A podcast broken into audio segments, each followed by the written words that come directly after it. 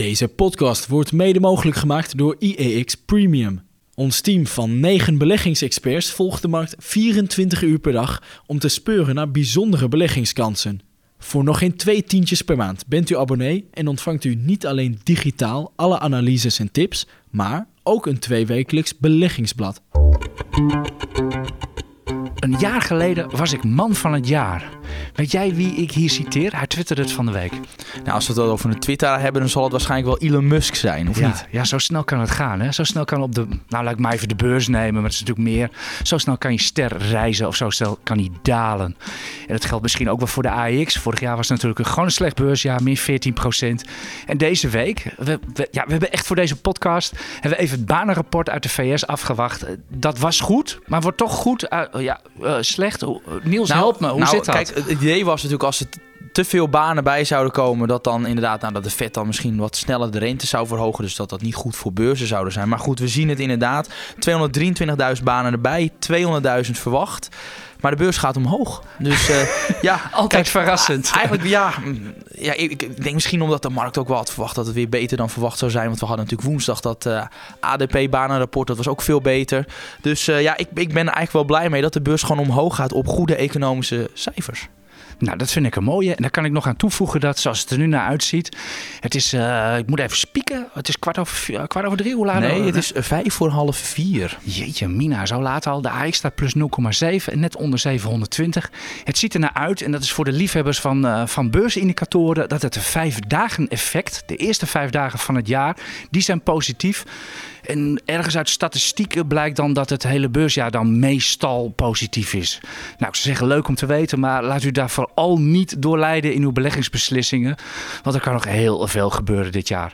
U hoort het al, eh, dit is de IX Beleggers Podcast. Weer in de ouderwetse bezetting met Niels Koets, aandelenanalist van IX.nl. Ik ben Arendt Kamp, marktcommentator van IX.nl. We het gaan eigenlijk op de oude manier door met deze podcast zoals u dat van ons gewend bent. Ongeveer 45 minuten praten u over van alles en nog wat bij. En ja, ondanks dat het de eerste week van, de, van, van het jaar was, nog een beetje dun, veel vakanties, omzetten dun, is er alweer zat te doen. Niels, wat was jouw nieuws van, nieuws van deze week? Eh, nou, ik denk toch wel dat het nieuws was dat eh, ja, die outflow bij cryptobank eh, Silvergate, dat gewoon twee derde van het vermogen van in crypto's, dat het gewoon eraf is gehaald. Door, Dat was een cijfer van gisteren. Ja, ja dat, was wel, dat, is wel, dat is wel een uitstroom waar je u tegen zegt. En met name omdat het professionele partijen zijn die toch wel weg eruit stappen. Ja, ik, ja dat, was, dat was inderdaad het. ze zeiden het ook ronduit in een conference call bij, bij het bedrijf. Het, is, het, is ja, het heet een cryptobank bank te zijn, om maar even heel kort door de bocht te gaan. Dat inderdaad de institutionele investeerders die gaan eruit. Ja, professionele partijen kunnen het aan al hun stakeholders niet verantwoorden dat ze nog in de cryptomarkt zit. Ja, met al dat list en bedrog, eh, FTX, eh, de, de drama's, eh, noem het allemaal maar op. Er zijn mensen die spreken al van een Lehman Brothers moment. Dus dezelfde chaos en puinhoop als er in 2008 was. De koers ging min 42 geloof ik hè? Ja, ja. dan weet je het wel. Ik geloof dat het vanaf de top iets van 98% Maar omlaag. vijf- ja, 95. eh, Ik, ik weet niet wat er dat nu is wel staat. een beetje de is- categorie eh, bankrupt, denk Ja, ik. dat, dat, is, dat, is wel, dat is wel een beetje op de beurs. Bij min 95 procent. dat, dat heeft het naam van dat de markt zeg maar zegt van het is failliet. Ja. De grootste uitzondering op deze regel, weet jij wie dit is?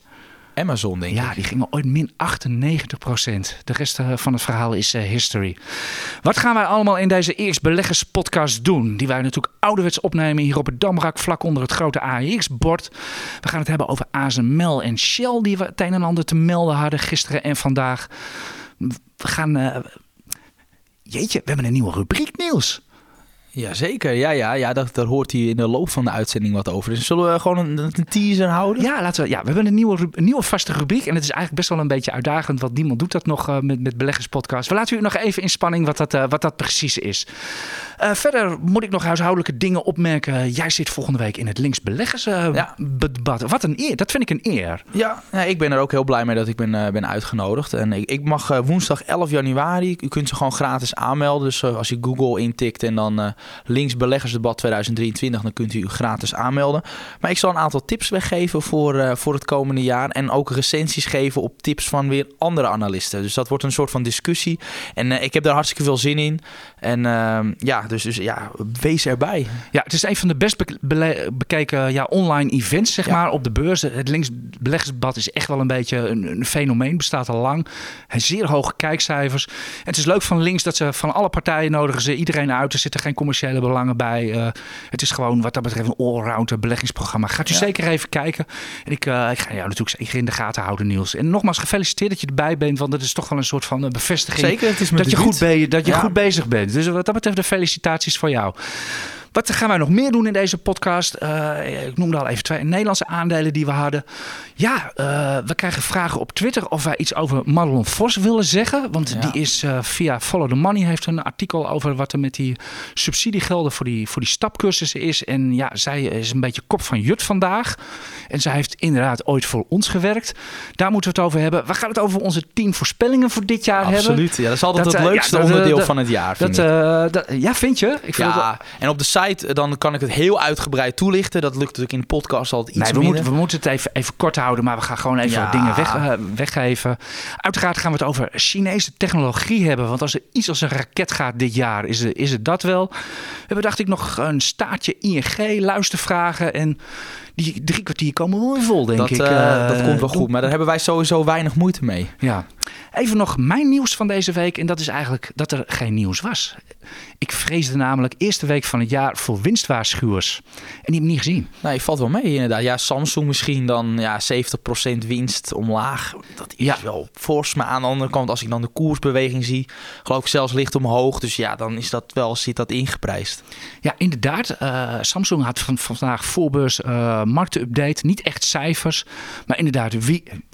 Eigenlijk kun je heel kort zijn. Wie nu nog twijfelt dat uh, chippers, chips cyclisch zijn, of, of dat, dat, dat ze dat niet meer zijn, nou die heeft vandaag wel even deksel op de neus gehad. Chippers zijn heel erg cyclisch en dat bewijzen de cijfers van Samsung.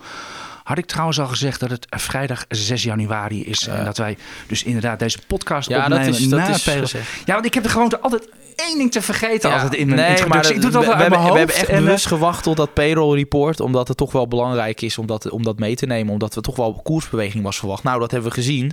We, we stonden lager. En nu staan we toch wel weer aardig omhoog. Zijn, zijn we niet dit jaar uh, iets van... Uh, 4,5% gestegen. Dat is wel echt fors hoor in een week. Dus, ja, uh... ik, durf, ik durf bijna niet te zeggen, Niels. Maar als je kijkt naar het hele langjarige gemiddelde voor aandelen. En dat is echt academisch teruggerekend vanaf 1602, de VOC. Doen aandelen gemiddeld bruto herbelegd, echt bruto, iets van 7, 7,5% per jaar. Dat hebben we eigenlijk nu al zo'n beetje op het bord als ik het dividend voor de AIX ja, okay. meeneem. Ja, oké. Als je het dividend meeneemt, ja. Maar, maar dan loop is, je wel dit... heel ver vooruit op de muziek.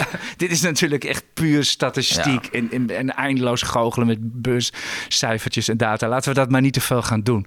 Ik denk dat het zinniger is om eerst maar eens even wat, wat aandelen. Wil ja. jij het eerst over, over Shell hebben? Ja, want dat was toch wel... Vanochtend was er even nieuws. Jij bent toch de Shell-man. Je hebt de aandelen, dus... Uh... Ik ben de Shell-man. Nou, dat is echt Martin Krum ja, bij ons op de site. Want maar, is, in de podcast ben jij de Shell-man. Ja, maar het is, het is echt die... die ik, ik, ik, doe dit werk nu 20 jaar en die cijfers van Shell vind ik echt het moeilijkste wat er is hoor, hier op het Dammarkt. Daar, uh, wat dat betreft leun ik echt op de analisten zoals bijvoorbeeld onze collega Martin. Uh.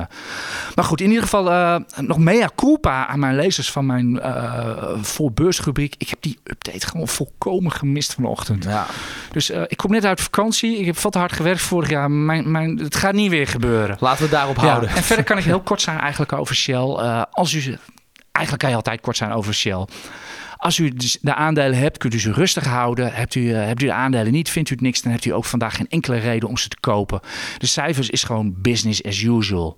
Onderliggend draait Shell goed, maar zoals altijd zijn die cijfers weer een mixed bag. Er zitten plussen en minnen in.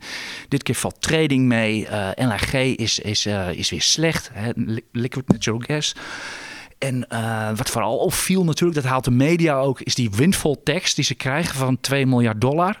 Dat is omgerekend iets van 20, 25 eurocent uh, per aandeel. Dat is toch ongeveer 1% van, ja, het, van de beurswaarde. Dat is niet leuk. Die had ik ook liever als dividend gehad. Maar het is, het is eenmalig, zegt niks over de onderliggende business. Ja, het, ik vind het persoonlijk een beetje zuur.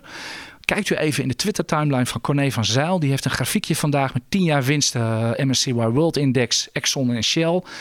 En Shell en Exxon hebben eigenlijk hun achterstand vorig jaar ingehaald. Dus ze zitten nu weer precies op het gemiddelde winstniveau. En dat heet dan een windvoltekst. Nee, maar goed, kijk, om het niet te politiek te houden, maar we blijven natuurlijk wel van mening dat, eh, ja, zoals in Shell, je hebt goede en slechte tijden. En als het slecht gaat, zijn we ook van mening dat er niet subsidies moeten komen. Nou, dan andersom, als ze dan ineens een, jaar hebben waarin alles mee zit, dan moeten ze ook niet extra belasten. Want dat doen we in feite al, want er wordt een percentage van de winst uh, geheven op, uh, aan belasting. Ja, als de winst nominaal stijgt, dan stijgt ook de belastingbaten nominaal. Dus. Dus ik denk, ja, om, dat, om het zo een beetje af te sluiten, al met al Shell. Geen bijzondere uh, update, maar dat hoeft ook helemaal niet bij nee, een bedrijf. Over de, maandje, over de maandjes zijn de definitieve cijfers waar de handtekening van de accountant ook al uh, onder staat. Okay. Ja, gister, gisterochtend werd ik eigenlijk wel vrij ruw wakker. Ik, uh, ik werd getipt via Twitter. Er stond een artikel in de, in de Telegraph. Dat is een ja, een Britse krant met aanzien. En die kwamen eigenlijk met het bericht van... met zoveel woorden, Huawei, Huawei, het Chinese staatscommunicatiebedrijf... heeft de EUV-machine van uh, ASML gekopieerd. Dat, dat las je eigenlijk ja. tussen de regels door. Nou ja, als wij natuurlijk ergens van schrikken als aandeelhouders. We hebben ze allebei. Ja, en, ik denk heel veel van u ook. Ja, dan is het natuurlijk bericht waar je, waar je niet op zit te wachten. Uh. Nee, ja, goed. Dat is natuurlijk altijd het, het, belangrijkste risico is dat ze natuurlijk hun monopoliepositie kwijtraken. Het is wel zo. En dat, dat, dat heeft natuurlijk ASML ook gezegd. Dat het wel een hele andere tak van sport is binnen die EUV-machines. Dus, maar goed, ASML zegt zelf dat ze zich er niet zo'n zorgen om maken. Hè. Ze zeggen, ja, ze, maar ja, aan de andere kant is het ook wel weer logisch dat zo'n bedrijf zit toch vaak in de ontkenningsfase bij dit soort berichten. Maar hoe kijk jij daarnaar? Uh, ik, ik heb ze gebeld gisteren en uh, de persvoorlichter. Ja, misschien is het mijn bias als, als, als aandeelhouder van, van ASML. Maar die, die klonk een beetje bozig, verontwaardigd aan de telefoon. Die zei, ja, de Telegraaf heeft gewoon een beetje zitten googlen en ze, ze begrijpen het gewoon niet. Want ze zeggen, we hebben naar het patent gekeken en het is een deel van, van de EUV-technologie. En dat is niet één technologie, dat zijn, weet ik veel, heleboel technologieën op een rij. En wat Huawei heeft gedaan, die hebben een patent gevraagd op een technologie waar wij niet mee werken. Dus dat zit helemaal ja. niet in die, in die ASML-machines. En ik, ik denk ook dat de markt zegt daar in feite ook mee met de koersreactie gisteren, ik geloof misschien 1% omlaag. Dat ja, als dat echt een concurrent was geweest, dan had het veel harder omlaag gegaan. Als het nieuw nieuws was geweest. Ja. Dus de markt zegt, neemt het ook een beetje met de korreltjes uit. Ja, bij ASML zei ook nog, ja, wat, ik bedoel, uh, natuurkunde is hier hetzelfde als in China. Die, die kunnen natuurlijk uh, TZT of wanneer dan ook natuurlijk ook met een concurrent komen of met, uh, of met een ander product of misschien wel met een hele nieuwe technologie. Maar wij kijken gewoon naar wat wij doen. Wij zijn alweer verder. Wij proberen onze EUV-technologie verder uit te breiden. Daar kijken wij naar. Dat is ook een beetje de teneur van, van allerlei reacties die ik ook kreeg. Ook op mijn stuk. Ik heb een uitgebreid stuk hierover op IEX staan. Uh, ja, er zijn mensen, oh, dit is oud nieuws. Dat waren opvallend veel uh, reacties. En er zijn ook mensen die, uh, die zeiden van, ja, dit is het begin van het einde van ASML. Dus, maar ja, daarvoor ja, hebben we ook een markt. Dus, Precies, daarom hebben we een markt. U kunt ASML kopen of verkopen. Helemaal helder. Dus zullen wij doorgaan? En ik denk dat het wel interessant is met de 10 voorspellingen voor 2023. Ik weet dat het ook een rubriek is wat mensen heel interessant uh, vinden. Voor de premium maak ik dat ieder jaar. En ik zie gewoon dat het veel wordt gelezen. Dus dan denk ik, dan trek ik dat ook door in de podcast. Okay. Dus, uh, die 10 voorspellingen, we ja. zullen het wel een beetje beknopt moeten houden, denk ik. Uh, ja, we kunnen Niels. niet uitgebreid nee, uitweiden. Zijn we, dan zijn we twee keer drie kwartier onderweg. Ja. dus het moet allemaal een beetje beknopt. En ik zou zeggen, Bas, los naar nieuws. Voorspelling nummer 1. Nummer 1, ja. Ja, misschien beginnen we met een wat voorzichtige voorspelling. De inflatie zakt in de VS eind dit jaar naar de 2,5 procent. Dat is meer met de gedachte... Is dat, wacht even, is dat jouw voorspelling? Uh... Mijn voorspelling, Ja, wel een ja. beetje in lijn met de markt. Ja, klopt. Dat de inflatie fors uh, naar beneden zal gaan in de, in de VS. Met name doordat we toch de grondstof, energieprijzen dalen. Consumentenbestedingen onder druk. Huizenmarkt koelt af. Dus ik, uh, ja, de, die, als je dat allemaal bij elkaar neemt... dan denk ik dat het een grote kans is dat de inflatie gaat zakken. Ja, je hebt natuurlijk over de bekende inflatieswaps. Want dat zijn de marktverwachtingen. Dat zit daarin ingeprijsd over die inflatie. Uh, over die inflatie. Voor de euro, de ECB, is het ongeveer ook... zit geloof ik iets boven de 2,5 procent. Een beetje vergelijkbaar. Dus uh, ja, we hadden vanochtend een inflatiecijfer van de CBS van 9,6. Dus, uh, ja, in, in, in, in Duits of in Frankrijk hadden we weer op maand op maand hadden we weer een deflatie. Dus het, zie je dat het wel behoorlijk scheelt. Ja, dit, maar dit was wel een jaar op jaar cijfer. Ja, dat weet ik 9,6. Maar inderdaad, in Frankrijk hadden ze afgelopen maand deflatie. En hier in Nederland hebben de, de Grutters, et cetera, snel een prijs omhoog gegooid uh, in december. Maar goed, maar goed. Tenminste, tettert mijn maar in ieder geval, timeline het komt dus erop neer, inflatie gaat fors omlaag. Eh, dan gaan we door. De beleidsrente van de Fed staat eind 2023 onder de 5%. Ik zeg Dat 5%. Ja, oké, dat mag. Maar ik zeg eronder. En eh, ja, de, de Fed zegt zelf dat ze erboven gaan zitten. En dat maakt natuurlijk het interessante. Ja, dat is leuk. Markt en Vet denken iets die anders. denken anders. Dus, dus dat gaan we zien. Ik, eh, nou goed, in principe, als je, omdat ik verwacht dat de inflatie ook fors zal zakken, gaat zakken, dan verwacht ik dat de- de Fed aan het einde van het jaar ook niet meer die noodzaak ziet om die rente zo hoog te houden. Dus dat, eh, ja, ik ben daar eh, wat, eh, wat voorzichtiger in. Dus Ja. onder de 5%. Ja, De beleidsrente, dat is Ja. iets anders dan de kapitaalmarktrente. Want die ligt daar nu al ruim onder. Dus de 10-jaarsrente, dat is nu onder de 4%. Dus daarmee ja, geeft de markt in feite ook aan dat de rente, beleidsrente op termijn weer wat omlaag kan.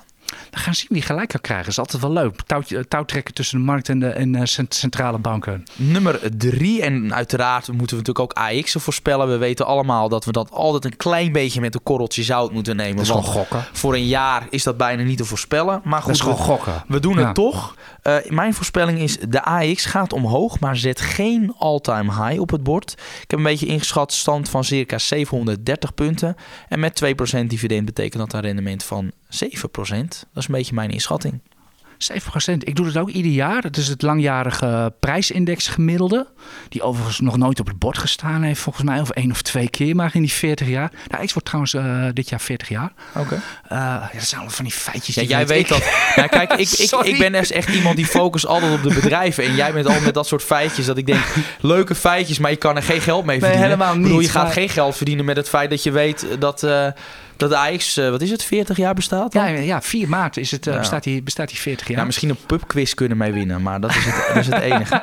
Maar, eh, maar Maar goed, in ieder geval, ik sluit me bij je aan. Ik tel, ik, wat was de slotstand van de IJs? 689 nog wat, telde 7% bij op. Ja, en, ik- dan 2,8% dividend. ik had 37 staan. Ja, dus ik, nou ik, ja. ik, ik, ik hoop dat ik ernaast zit dat het natuurlijk harder omhoog gaat. Ja, maar, maar, in ieder geval, wij nog. geven niet, niet, geen spannende eh, koersdoelen af. Dat is, altijd, dat is ook niet handig. Ehm Bezi, nummer 4. Bezi, het presterende AEX-fonds. Ik, eh, ja, ik vind hem best wel aantrekkelijk gewaardeerd. Het is vroeg cyclisch. En zeker als eind eh, dit jaar dat, dat die, die ec- conjunctuur weer wat herstelt... zijn dit vaak de bedrijven die dat het eerste merken. Zie je ook dat de koersen daarop vooruit lopen. Daar komt bij dat ik wat ik ook interessant vind bij Bezi... is dat in dat, in dat segment waar ze zitten, dat verpakken van die chips... dat ze marktleider zijn. Menkel van Merken heeft het ook wel eens het... eh, nieuwe ASML op het gebied van hybrid bonding genoemd. Dus ja, ik zie daar wel uh, zie daar kansen. Omdat heel, ja. Ja, bij ijzersterke shit. Chippers, Ja. ASML, ASMI en uh, Bezi hebben wat dat betreft echt een wel hele, hele sterke marktpositie. En ook zoveel ervaring. Ik heb ASMI als, uh, die heb ik, ik Corné van Zijl kan het bevestigen. Ik heb het in zijn uh, enquête ja. ingevuld. Uh, Asmi, eigenlijk hetzelfde verhaal als jou. Ik ga, ja, we zitten wel een beetje in de grote kudde, Niels. Want bijna iedereen gaat uit van een matige H1, economisch en ook op de beurs. En dan herstel in H2. Ja, en, ja, wat gaat er dan als eerste lopen? Dat zijn natuurlijk in principe vroegcyclische aandelen, chippers. Ik kom op Asmi uit. Ik zat te twijfelen over Bezi. Maar ik neem Asmi omdat die gewoon wat harder gedaald zijn. Ja, ja oké. Okay, ja, maar bij, we zijn eigenlijk over alle drie chippers enthousiast. Want ik heb ook zelf ASML en BC zowel in portefeuille. Dus. Ik heb alleen ASML. Okay. Maar ik zit natuurlijk wel in een AX-trekker. Dus, dus dan heb je ze sowieso allemaal. ja, ja. Oké, okay, nummer 5. Unibail Rodamco, de grootste bleeder binnen de AX. Ja. ja. ik ben even stil. Dat heb ik dus ook bij. Ja. Uh, we hebben elkaar niet gesproken nee, in de kerstvakantie. Nee, nee. Jij was bij Darten. Ik was even twee weken helemaal, uh, even helemaal geen markt. En uh, ik heb dat ook ingevuld. Mijn redenatie is vastgoedfonds. La, vastgoed is laatcyclisch. En bij Unibail zitten nog wel her en der wat issues, om het zacht uit te drukken. Bijvoorbeeld, Daar weet jij wel wat over ja, te bijvoorbeeld, vertellen. Ze hebben al een vrij echt een forse schuldpositie. En als dan de vastgoedprijzen dalen, ja, die schulden die dalen niet, dan gaat die, dat percentage omhoog. En we weten dat Unibail toch uh, genoodzaakt is om wat panden te verkopen. Ja, dat is geen ideale combinatie. Dus ik uh, hou mijn hart vast bij Unibail Rodamco. Ja, ik zat trouwens nog even te twijfelen over Randstad. Want dat is natuurlijk ook zo'n aandeel wat er in het verleden natuurlijk behoorlijk aan gort kon gaan. Uh, als er weer eens een recessie was. Want dan is er geen tijdelijk werk nodig. Maar met die, met die ijzersterke arbeidsmarkt durf ik dat niet aan. Nee, nee. Denk ja. jij er ook zo over? Of, of ja, kijk, en maar aan de andere kant, dus iedereen weet dat er een recessie komt. Vaak zijn die aandelen dan al hard gedaald. Weet je, dat is vaak ook met dat soort type. Vaak gaan dalen die aandelen en denk je, hoe kan het nou? Dat, dat gaat zo goed. Dat, dat, waarom kunnen ze dan dalen? En dan, dan bodemt het, oh, daarom. Want het dat gaat is de beroemde ja. value trap. En ja. dat is een term die u vaker tegenkomt in, de, in deze Zeker. podcast. Nou, we, we, gaan door. Ik heb um, ja, nummer 6. Meta, favoriete turnaround kandidaat. Want ja, we weten allemaal, het was een drama afgelopen jaar. Min 68% voor, eh, voor Meta. Maar ik zie daar wel, wel ook mogelijkheden. Met name als die advertentiemarkt eh, weer wat aantrekt. Er zijn ook wel mogelijkheden voor hun om fors op de kosten te besparen. Is Meta, uh, is Meta goed in de AI? Want die advertentiemarkt die gaat steeds meer richting AI. Nou ja, u, u, u, merkt het misschien ook al met, met, met zoekopdrachten, et cetera. Dat u vaak al wel eens denkt van... hey Google, hoe weet je, hoe weet je dat? En, en, en, maar goed... Ja, nee, ja, dat, eh, dat, ja, is, dat zit allemaal nog in de kinderschoenen. Dat is, dat is heel lastig om, om dat te voorspellen. Maar echt, als je puur kijkt, en dat vind ik gewoon belangrijk, waar komt de cashflow uit bij Meta? Dat is die advertentiebusiness. En uh, ja, wat ik nog gewoon zie, het aantal gebruikers neemt nog altijd toe. Alleen ze zitten natuurlijk met die privacy update van, uh, van Apple. Dat heeft wel die, die opbrengsten onder druk gezet. Maar op het moment dat we daar een haakje in gaan zien, dan kan die koers wel eens uh, heel mooi gaan stijgen. Dus ik, ik durf die wel, wel aan. Ik, ik zou natuurlijk Tesla kunnen noemen, maar dat vind ik een beetje al te gemakkelijk. Ik uh, laat ik eens een Nvidia noemen. Oké. Nvidia. Ja, moet ik, dat, moet ik dat verder toelichten? Ik denk, ik denk het niet. Iedereen wel duur aandeel, maar goed, dat is je altijd al Ja, maar het is, Nvidia is nog volgens mij al, al tien jaar niet meer goedkoop geweest. Okay. Uh, nummer 7. Deutsche Telekom favoriete aandeel qua risico-rendementverhouding. Heb ik afgelopen jaar ook gezegd. Nou, die was toen spot on. Um, ja, en ik, ik, zie geen aanleiding om daarvan af te wijken. Dus uh, die koers is weliswaar hard gestegen. Maar dat komt ook omdat die bedrijfsprestaties verbeteren. Dus dan is, voel, voel, heb ik geen aanleiding om dan ineens minder enthousiast daarover te worden. Dus uh, ik vind die nog steeds een heel, echt een, mooi, misschien wel de allermooiste defensieve haven in Europa. Nou, dan ga ik het niet beter weten. Nee, jij sluit okay. ik me bij aan. Dankjewel. We gaan door met nummer nee, 8. Dat, dat, aandeel, dat, dat, aandeel, dat, dat, die heb jij echt heel goed gespot. Uh, ik ben zeer onder de indruk van het aandeel. Ik heb het overigens zelf niet. Ja, ik heb ook wat lange termijn opties en die zijn echt door het dak gegaan. Maar dat is meer voor gevorderde belegger. Um, PostNL, nummer 8. Ja, nee, PostNL. je gaat nu... Oh jee, je groot, gaat nu... Ja, je ja, moet, we ja. moeten ook bleeders noemen. Ja, dan oh, komen we toch weer ja, bij PostNL. Ja, ja ik, ik vrees aan de reacties uh, die we gaan krijgen nu. Ja, grootste bleeder van het Damrak. Ja, dat is, dat is wat ik vermoed. Ja, we weten allemaal, de resultaten staan onder druk. Eigen vermogen fors gedaald. Schuldpositie gestegen. Dividend moet fors, daar moet echt het hakbijl in. Dat, dat, of het, is het, het mes moet daarin. Nou, en, er moet een hakbijl in. Hakbijl. en, en wat nog belangrijker is, kijk, die vakbonden... Ja, die eisen gewoon hogere lonen. Dus het, ze worden ja, aan alle kanten geraakt. Ja, dat is goed voor het personeel, maar slecht voor nee, Het aandeelhouders. enige voordeel is wel dat als die energieprijzen wat dalen... dan kunnen die transportkosten wat omlaag. Dat is misschien wat ze zou kunnen redden. Maar ik, eh PostNL, het, het lijkt allemaal leuk. 1,90, 1,90 euro. Maar ik hou mijn hart vast. Ik, ik kijk voor de gein eens even naar de ACX-index. Natuurlijk de kleinste index uh, met, ja, met toch wel eigenlijk te veel illiquide aandelen. En dan uh, heb ik uh, Vivorion en Aventium op het oog. Dat zijn typisch van die, van die, van die aandelen die als stijger van het jaar of als daler van het jaar uh, gaan eindigen. En dan mag u deze twee, uh, mag u, mag u deze twee gaan dat, inwisselen. Dat, dat zijn natuurlijk ook beide bedrijven die het van het verhaal moeten hebben. Ja, precies. En, en dan dat zul je dus zien dat de CEO van Avantium, dus je had natuurlijk een aantal weken geleden weer bij Harry Mens dan in de uitzending. Zo werkt dat dan.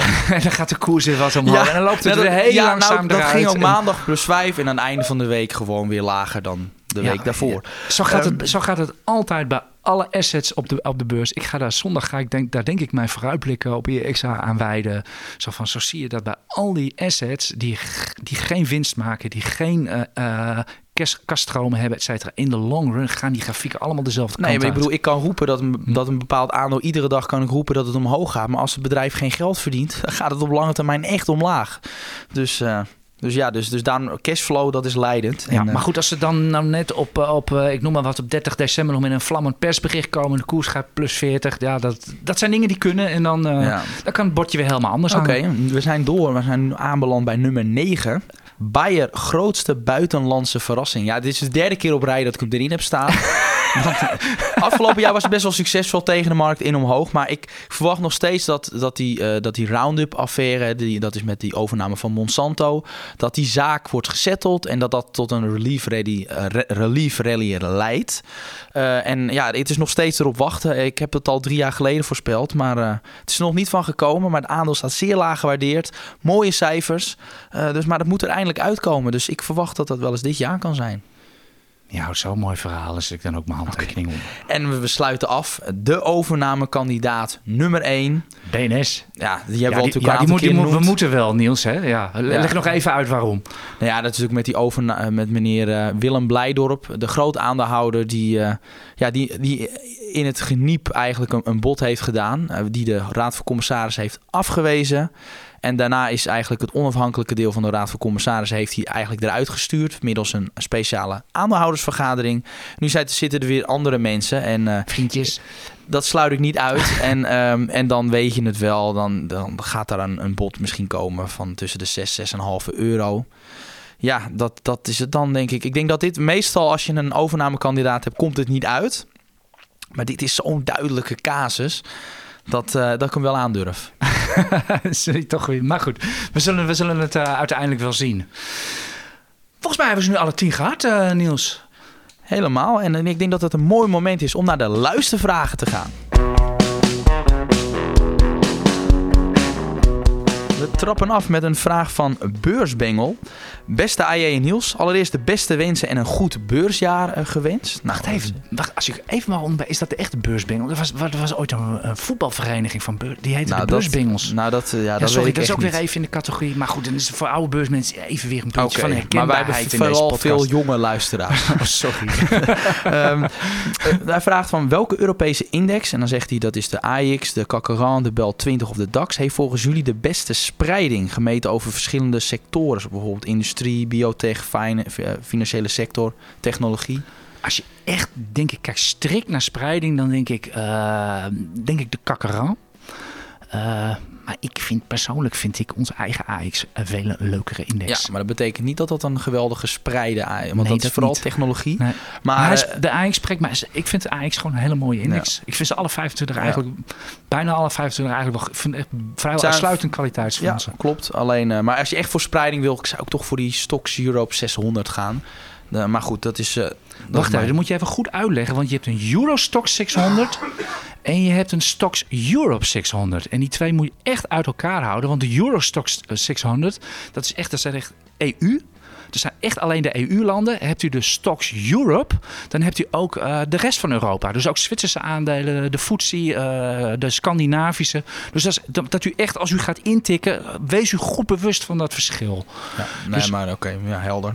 Ja, een leuke toevoeging, maar ja, dat is maar, een klein, maar een klein deel verschil. Ja, oké. We gaan door met een vraag van Cyclana. Over, ja, die vraag van, ja, waarom ligt NN er nou zo slecht bij?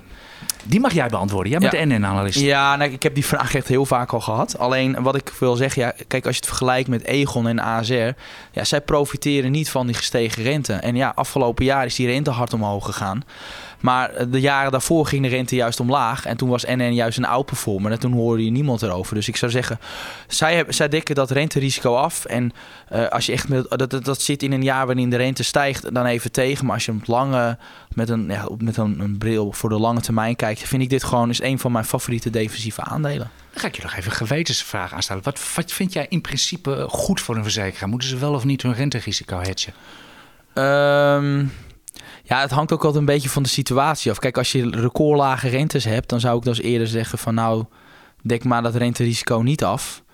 Ehm, dus dat hadden ze wat mij betreft niet hoeven doen. Maar ja, we hebben aan de andere kant de jaren ervoor gezien. Toen zaten ze wel iedere keer goed. Dus ik ben eigenlijk wel voor... Het, het hangt er een beetje van af. Ik vind het wel fijn dat iedere verzekeraar zijn eigen keuzes maakt. Want dan kun je ze bijvoorbeeld... Als je dan meerdere neemt, dan heb je eigenlijk... Ja, kan je het alsnog Ja. beide Bij de meepakken. eigen Dus- keuzes moet je wel bij opmerken dat altijd de DNB over hun schouders meekijkt. Ja, nee, tuurlijk. Maar in principe is het beste dat ze wat minder risico nemen. Aan de andere kant, want het levert dan vaak ook weer minder rendement op. Dus dat is altijd weer, weer lastig. Dus ik, ik heb daar niet echt een mening over. Ik vind het gewoon vooral belangrijk bij het verzekeraars dat die kapitaalratio, dat die buffers gewoon groot genoeg zijn.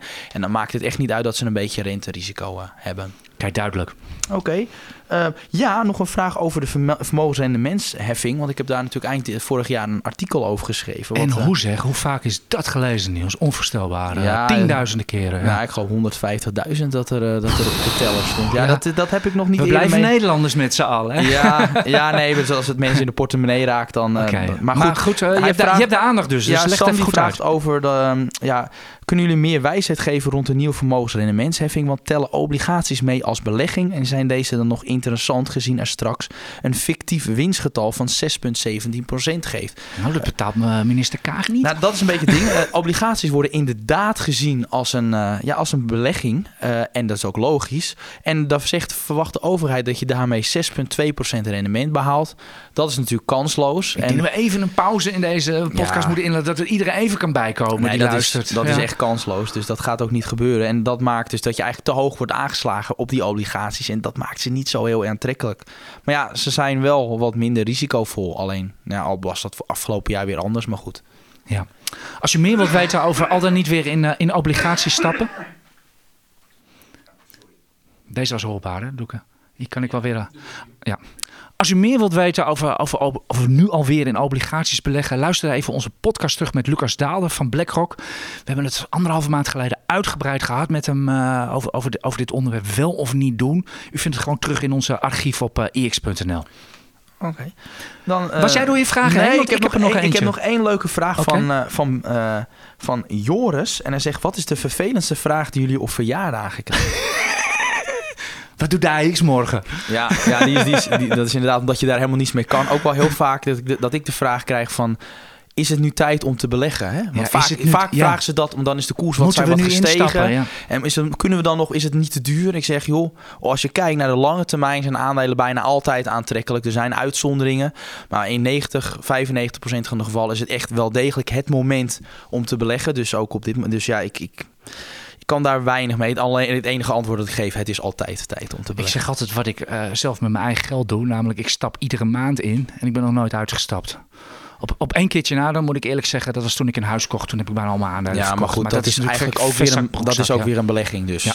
ik neem je dat eh, niet kwalijk.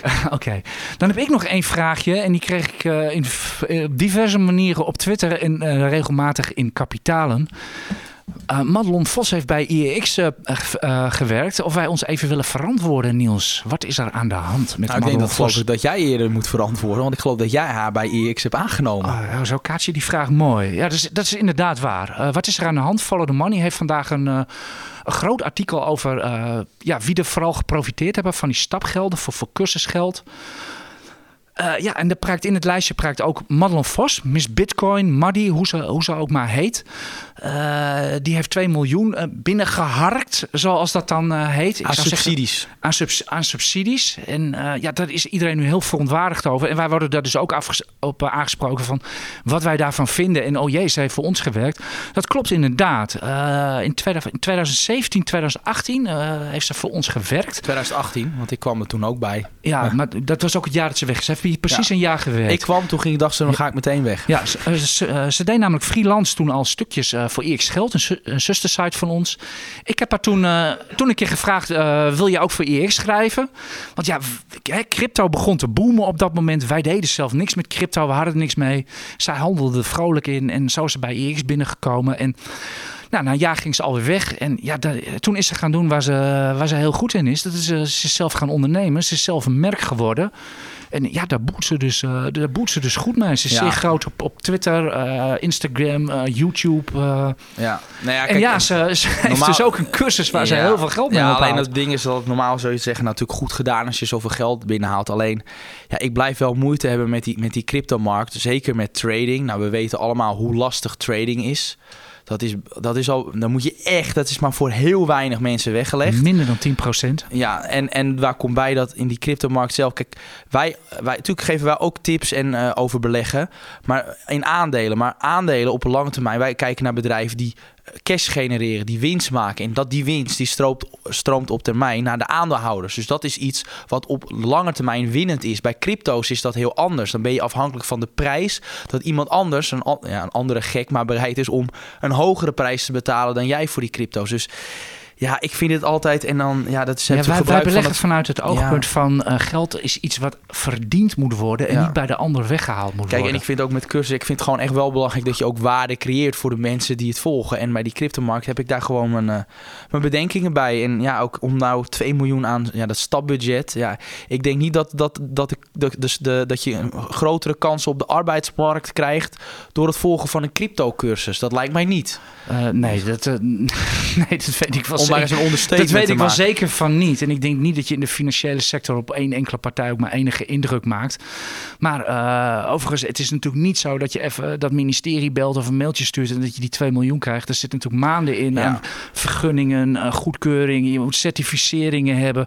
Dat is een heel traject. Daar, heeft- het is daar zal voor haar ook heel veel werk in hebben Ja. gezeten om dat, eh, om dat überhaupt... En het is eh, ook legaal hè, wat ze heeft gedaan. Alleen, ja, ik, kijk, bedoel, of- ik neem aan dat het binnen de wet is, want anders... eh, kijk, en of het moreel eh, hè, allemaal zo, zo netjes is. Ook omdat er werd geadverteerd van nou, als jij als lid, als jij iemand binnenhaalt, dan krijg je 100 eh, euro uit dat stapbudget van mij. En hè, als je vijf mensen aanbiedt, dan krijg je zelfs nieuwe, nieuwe AirPods. Ja, ik, dat is niet ja, de manier naar mijn mening. Maar goed, dat is, dat is een keuze die iemand maakt. En eh, daar staat iemand ook vrij in.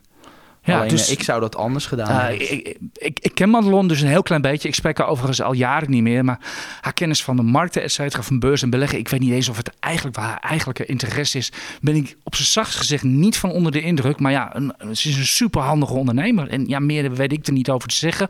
En morele oordelen spreekt u zelf maar uit.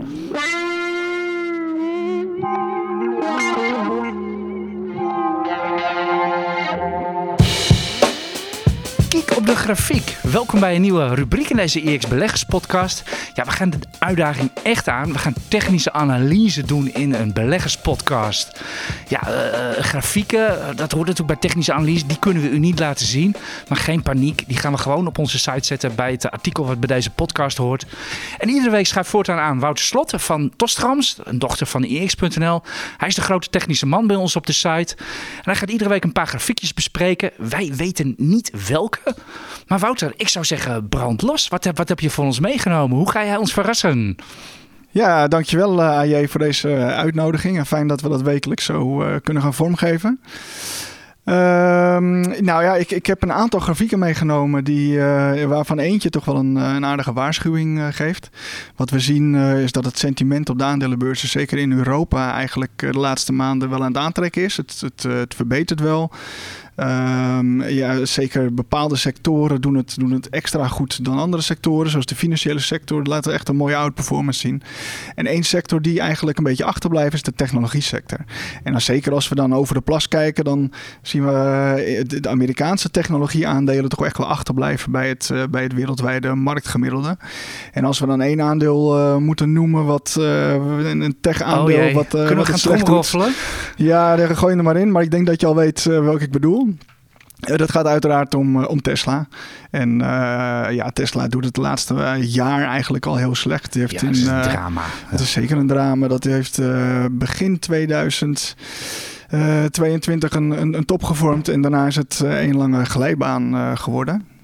Wat zegt, de, wat zegt de grafiek op dit moment? Even voor de, voor de goede orde, zo gaan we dat, dat voortaan doen iedere week. Een zekere basiskennis uh, veronderstellen we wel bij, bij, de, bij technische analyse. Dus top, weerstand, steun, uh, 50 daags, dat soort dingen.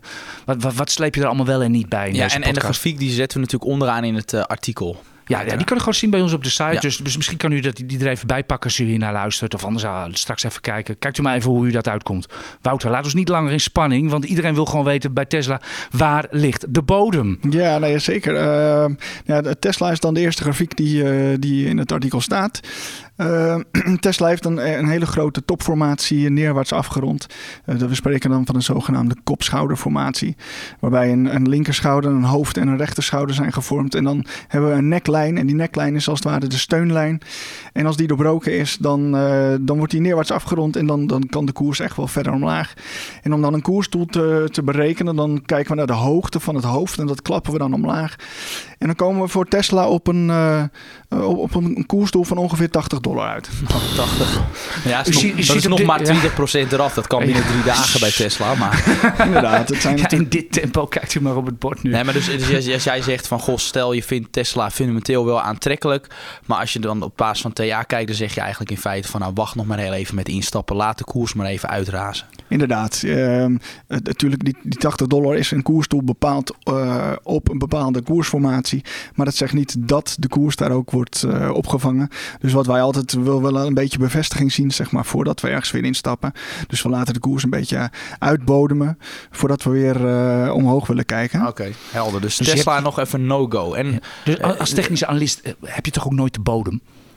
Nee, nou uiteraard. Kijk, op het moment dat je in een bandbreedte zit eh, en je kan aan die onderkant van die bandbreedte kopen, eh, dan kan je eerst de bodem pakken. Maar als een aandeel echt hard omlaag gaat, dan, dan wil je gewoon niet bodem gaan vissen. Want Je wil echt bevestiging zien, 9 hè? van de 10 keer zit je daarnaast en dan pak je ook die bodem niet. We willen bevestiging zien, dat, we willen weer een draai omhoog zien. En die is Eh, bij Tesla niet zichtbaar. en die is bij Tesla momenteel absoluut nog niet zo. Maar er is nog een ander aandeel wa- waar jij eh, waarschijnlijk ook een wat minder enthousiast over... eh, Klopt, ja. Ik heb, nou, het zijn eigenlijk soort van eh, twee eh, zoek de verschillen eh, plaatjes. Eh, als je die naast elkaar zet, dan eh, laat dit aandeel eigenlijk precies hetzelfde koersverloop zien eh, als Tesla, zeg maar, tot aan de breuk van de neckline. En ook bij dit aandeel zien we dat nu die neckline eh, wordt gebroken. En het gaat eh, om een ander heel groot technologieaandeel. En dat is Apple. Apple heeft eigenlijk afgelopen jaren een, eh, een identiek koersverloop aan Tesla laten zien. eh, met ook een kop-schouderformatie. Eh, en en ja, eigenlijk afgelopen week is die, is die neckline doorbroken. En kan er nu ook dus een dalende trend worden ingezet. Oké.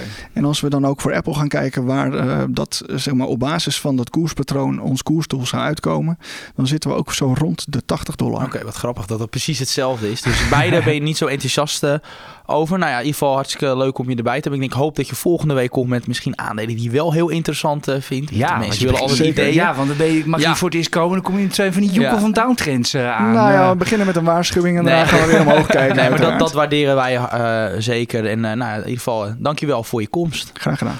Ja, behalve dalende technologiegrafieken zoals Wouter die net gaf, zijn er ook nog technologiegrafieken die gaten in het plafond staan te boren. eh. Ja, dat is China.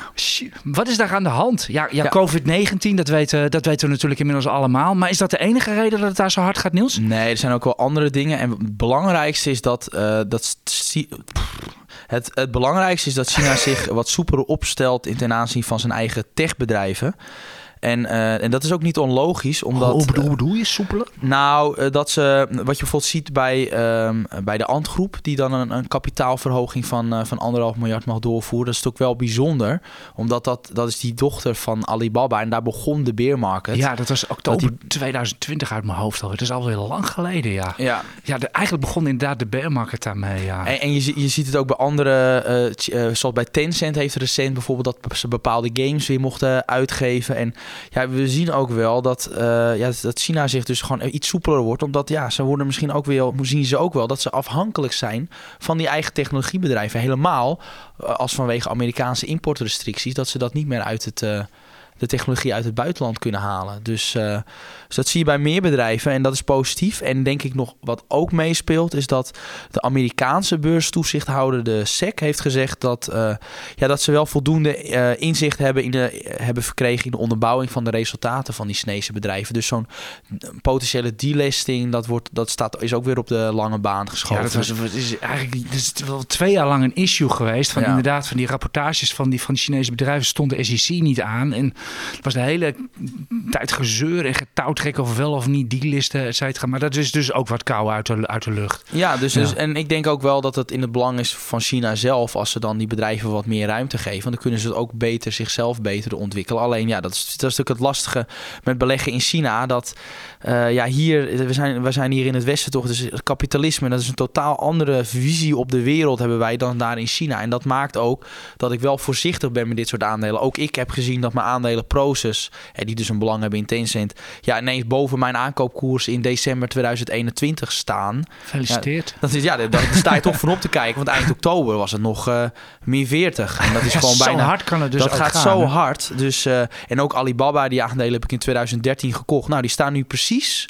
op dezelfde koers als dat ik ze kocht in, de, eh, in 2013. Dat was Oké. ook 107 dollar of zo. nou, heel leuk voor jou. Maar Ja. nog, nog even één puntje. Want jij noemt het die soepele eh, regelgeving. Die geldt niet voor de goedkope brokers in China. Is de Chinese regering, eh, overheid misschien bang dat Chinezen zelf weer gaan, gaan beleggen? Of in dat geval is het echt gokken. Gaat u maar naar de lange grafieken kijken van de, van de Chinese beurzen. Daar zit geen waardegroei in, maar alleen maar boom en bust. Ja, maar dat, ja, dat, je kan goedkope brokers het lastiger maken. Maar als die mensen willen beleggen, dan gaan ze het toch wel doen. En als de koers hard omhoog gaat, weet iedereen altijd wel een uh, Ja, weg te de vinden. Chinezen dat zijn echte gokkers. Dat, ja, eh, maar, maar hier in het Westen kunnen we er ook wat van. Dat hebben we de afgelopen twee jaar ook wel, hebben we ook wel gezien. ja, absoluut. Trouwens, van de week was er, eh, ondanks al die cryptodrama's, was er toch weer een crypto-bonk, heet dat. Ik kwam met de MarketWatch tegen. Gisteren bonk, die ging deze week plus 4000 procent, ja, in een week. En was gisteren alweer min 50. Dus eh, het, het zit er nog steeds, eh, Niels. ja, En het is sinds 1600 zo, sinds, sinds we de eerste aandelen VOC verhandelden, ben ik weer met mijn oude anekdotes. En het zal altijd zo blijven. Ik weet Ja. zeker. Het zit in de menselijke natuur. We hebben nog één aandeeltje Ja. over. ING. ING. Ja, was toch een klein nieuwsberichtje dat ze 8%, of 8% helaas voor eh, de aandeelhouders, 8 cent eh, extra dividend uitkeren. Maar dat Die zijn zat, voor mij. Ja. Ja, dat zat er ook weer in dat ze dan iets minder aandelen inkochten. Dus is nog een beetje... eh, Vestzak, broekzak. Ja, maar, eh, maar al met al ja, een klein, toch wel wat nieuws. wel leuk, mooi bij. Maar jullie hebben ze op cel Ja. staan. Tenminste, Ja. de beleggers van IEX. ja, dat zitten met name natuurlijk de koersen heel hard opgelopen. En wat je name, met name bij ING waar je op moet letten, is dat zij extra gevoelig zijn voor een recessie. Omdat ze veel leningen hebben uitstaan aan het bedrijfsleven. Dus, dus dat blijft altijd een risico. Het zijn toch wel. Kijk, de laatste jaar, of tenminste, de afgelopen jaar is het natuurlijk heel goed gegaan. eh, met de koers. Maar je moet toch, ja, je moet gewoon weten dat dit dat eens in, de, in, in, in het decennium ehm, gaat dit aandeel onderuit. En dat moet, dat weet je. En daar moet je wel rekening mee houden. ik, ik, heb er dus een, ik heb er dus een paar. Ik heb een hele, hele kleine positie. Het is niet noemens, noemenswaardig. Maar ik houd ze. Ik heb ze zelf eh, een paar jaar geleden met mijn vrouw voor, voor nog geen 5 euro gekocht. ik maak koers. daar 13% dividend op nu. Dus ik vind het prima. En dan mogen ze best voor mij één keer per vijf jaar eh, dividend passeren. Dat, eh, dat, vind ik, dat vind ik prima. Vind je dat een goede relatie? Nou ja, jij kijkt dan vanaf je aankoopniveau. Maar ik vind ja, echt dat, maar je... dit is mijn persoonlijke Ja, dat situatie is- inderdaad. ja, ik zou maar- ze nu niet kopen. Nee, maar dus wat dat altijd- betreft... als je kijkt naar dividendrendement, moet je wel echt kijken wat het nu is. Precies. Want als jij, stel je zou het verkopen en je koopt er aandelen Egon van of zo, dan ga je ook niet rekenen met die koers van wat je toen het zou hebben gekocht. Ja, dus maar dit is, raar. dit is misschien wel voor de mensen een keer een idee van... kijk nou gewoon eens even niet alleen maar naar de koers van je aandeel... maar gewoon ook bij Shell maak ik zelf intussen ook 7% dividend. Dat u ook even een keertje misschien zo even uitzoomt... en zo naar uw aandelen kijkt van wat leveren ze me nou eigenlijk op? Los Ja. van wat de, wat de koersen doen. Niels, we zijn door onze gesprekstof heen. Ik wens iedereen, eh, nou natuurlijk ook namens jou Niels... hartstikke veel succes eh, dit jaar op de beurs... Prettig weekend. Hopelijk wordt volgende week weer mooi op de beurs. En wij spreken u volgende week. Bedankt voor het luisteren. Tot volgende week. Nog even een reminder. Wilt u de analyses en kooptips van Niels Koerts en de acht andere beleggingsexperts ontvangen? Dat kan. Voor nog geen twee tientjes per maand bent u abonnee en blijft u digitaal constant op de hoogte van de nieuwste analyses en tips. Daarnaast valt er elke twee weken een gloednieuwe editie van het IEX magazine op uw deurmat. Meer weten? Ga naar iex.nl/podcast.